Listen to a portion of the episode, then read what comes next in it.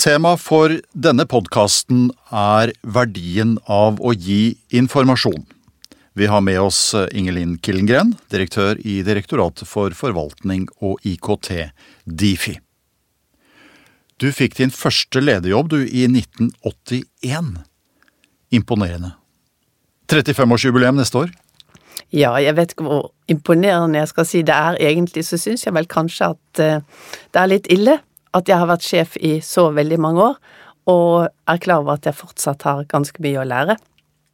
Men kan du ikke alt da, om å være leder? Hvordan folk skal behandles, ledes og ikke minst informeres? Man tror jo hele tiden at man kan ganske mye, og så oppdager man at man ikke kan alt. Og så det er én ting som er ganske viktig. Hvis du skifter organisasjon, hvis du begynner et nytt sted, så begynner du nesten litt på bunnen igjen. Fordi det nytter ikke å bare være deg selv, du må også forstå den organisasjonen du er en del av. Og du får stadig nye lederjobber, du kan jo ikke ha gjort så verst jobb, da? Vi får jo håpe det, men eh, på den andre siden så er det jo slik at uansett eh, hvilken lederjobb du har, hvis du ikke med jevne mellomrom blir utsatt for kritikk eller får eh, litt barske tilbakemeldinger, så har du på en måte ikke gjort jobben din.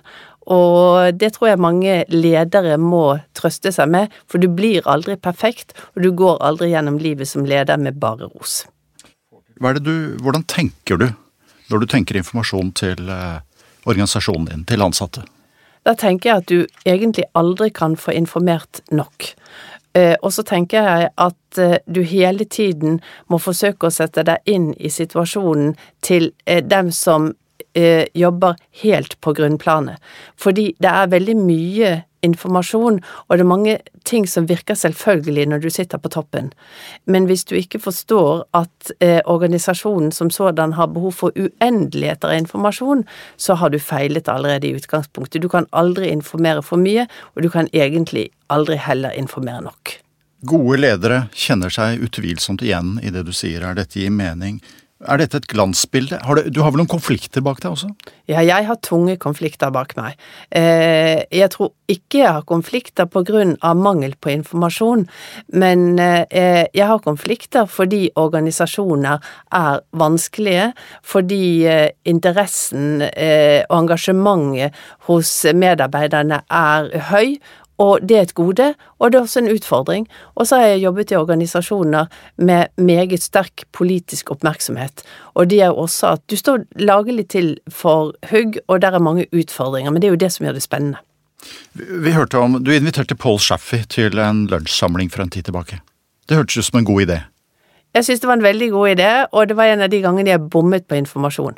For jeg sendte ut en melding til alle ansatte om at Paul Sheffy skulle komme til oss på et allmøte, og var fornøyd med det.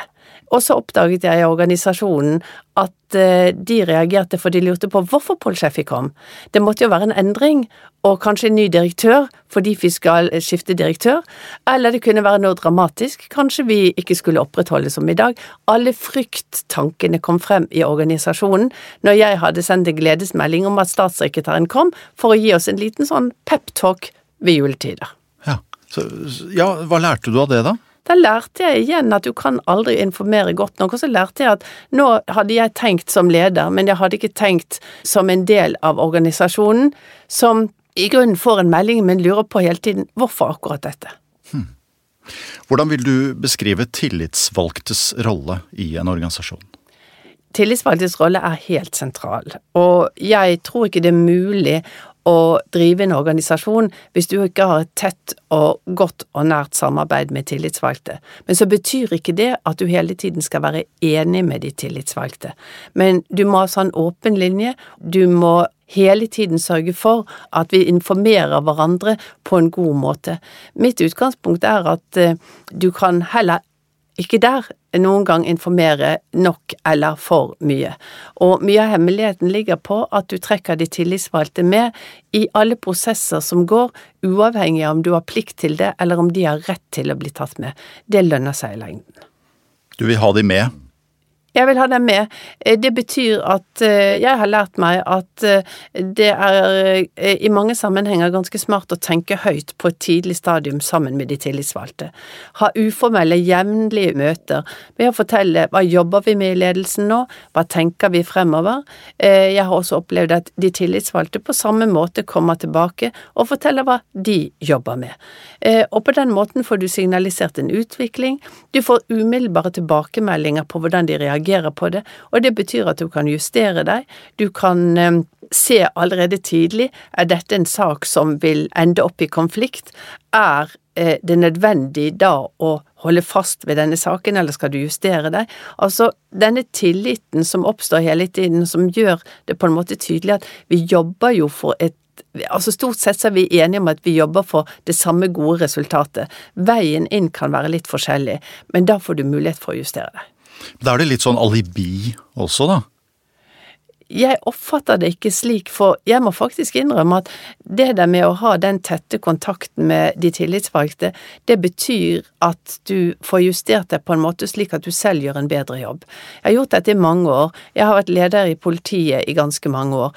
Da jeg var det, så hadde jeg månedlige samtaler med lederne av alle politiorganisasjonene. Og jeg justerte meg mye i, som resultat av disse informasjonsmøtene. Men det var noen spill spilleregler. Den ene spilleregelen var at vi måtte kunne snakke åpent over bordet. Den andre spilleregelen var at dette ikke bandt oss hvis vi senere kom i saker som var gjenstand for drøftelser eller forhandlinger. Og den siste spilleregelen var at vi også måtte kunne ta opp ting som ikke nødvendigvis skulle følges opp i senere sammenheng, men hvor vi rett og slett uforpliktende tenkte høyt med hverandre. Og jeg opplevde at begge parter syntes det var bra, og selv om Akkurat innenfor politiet så hadde vi jo en del store konflikter, men til tross for det så er jeg helt sikker på at det hjalp oss til å unngå enda flere konflikter, fordi i store organisasjoner er det ofte vanskelige og tunge spørsmål der ledelse og tillitsvalgte har et nokså forskjellig utgangspunkt. Det høres jo fint ut dette med temperaturmåler. Eh, samtidig, hva, hva, hva kan du si til tillitsvalgte som du ikke kan si til øvrige ansatte? Hvor går grensen her? Jeg mener jo egentlig at eh, man skal kunne si det samme både til tillitsvalgte og til øvrige ansatte, men jeg har et prinsipp som jeg synes er ganske viktig, nemlig at når det gjelder eh, informasjon om organisasjonen, om endringer, om planer, hva man jobber med, så skal du aldri gå ut og si ting til organisasjonen før du har forhåndsvarslet eller snakket med de tillitsvalgte. Fordi, rett og slett, hvis du ikke gjør det, så har du en tendens til å Eller du kan lett undergrave de tillitsvalgtes jobb. Det er selvfølgelig ting du kan snakke om som ikke er forpliktende. Hvis du er inne på arbeidsområder eller ansvarsområder hvor de tillitsvalgte faktisk har en jobb å gjøre, så skal og må de informeres først. Jeg vet ledere som ikke gjør det og som syns på en måte det er smart å gå rett ut i organisasjonen og snakke med alle sammen for at alle skal høre det direkte.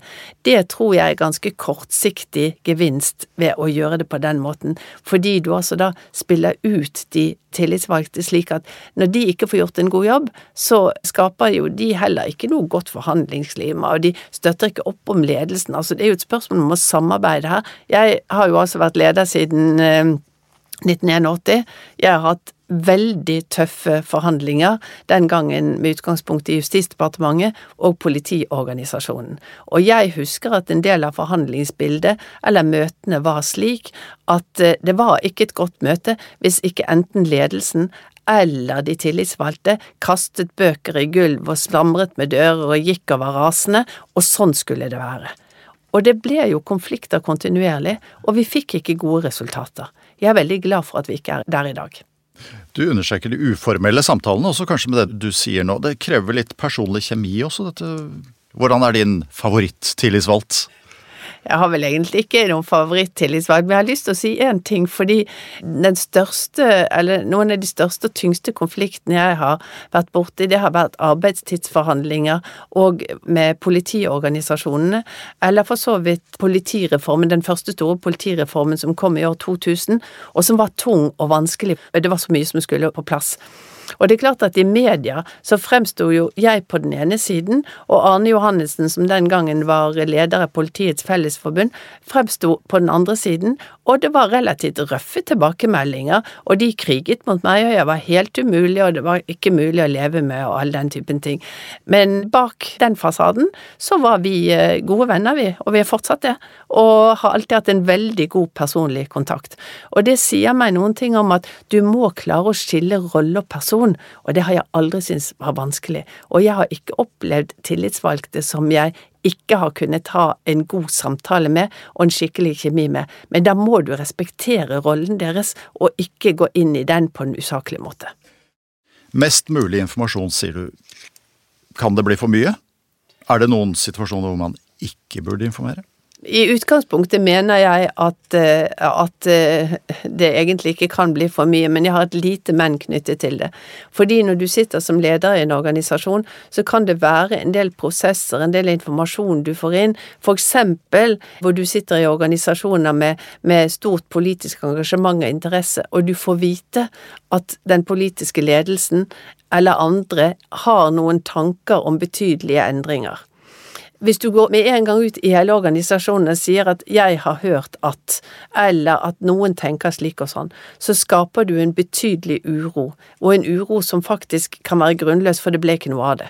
Så det er noen sammenhenger hvor du må på en måte snakke, eller liksom vurdere selv, er det riktig å gå ut nå, eller, som jeg tror er riktig, får du den typen ting, undersøk så godt som mulig, så fort som mulig, for å se hva dette egentlig er, for å kunne gå videre med den. Men der ligger det et lite men til, for det er organisasjonen som sådan. Jeg har ikke samme forsiktighet hvis det gjelder de tillitsvalgte. For her, og det er en av de situasjonene hvor du må kunne nevne for tillitsvalgte, jeg tror det pågår noe, de har et krav på en rett til å gjøre det, men da må du også på en måte må man være samforstått i at dette snakker vi om sammen nå, men det er kanskje ikke så smart å gå helt ut i hele organisasjonen for å skape unødig frykt og uro om den. Så det er noen grenseflater der som gjør at jeg ikke kan si det helt absolutt. Det er vel nok eksempler på halvkvedede viser som har skapt masse uro? Ja. Har du noen erfaring eh, som du deler med oss her og nå? Nei, vel egentlig ikke. Men har, altså, jeg har litt erfaring fra organisasjonen som jeg sitter i akkurat nå. Fordi eh, Difi har vært evaluert, eh, og vi har ventet ganske lenge på om Difi skal bestå, eller om vi skal deles opp. Og i den perioden har det vært ganske mange rykter og tilbakemeldinger underveis, og det har lært meg ganske mye om at uroen blir ubegrunnet stor ved at det er en usikkerhet. Eh, samtidig som jeg nok har vært litt forsiktig, og jeg har ikke formidlet rykter som har vært ubekreftede. Og det der med at du hele tiden har gått ut, og det tror jeg også du må informere selv om det ikke er noe å informere om.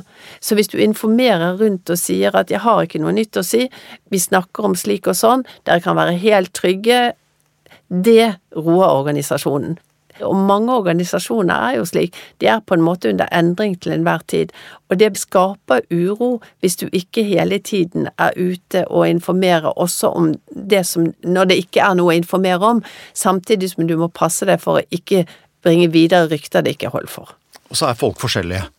Ja. Noen er engstelige, noen ja. tåler det meste. Grupper, mellomledere osv. Og, så og arbeidstakere i forskjellige avdelinger. Hvordan tenker du i forhold til målgrupper? Det er to grupper som det er viktig å ha med inn. Ledere er jo aldri alene, de har ledergrupper.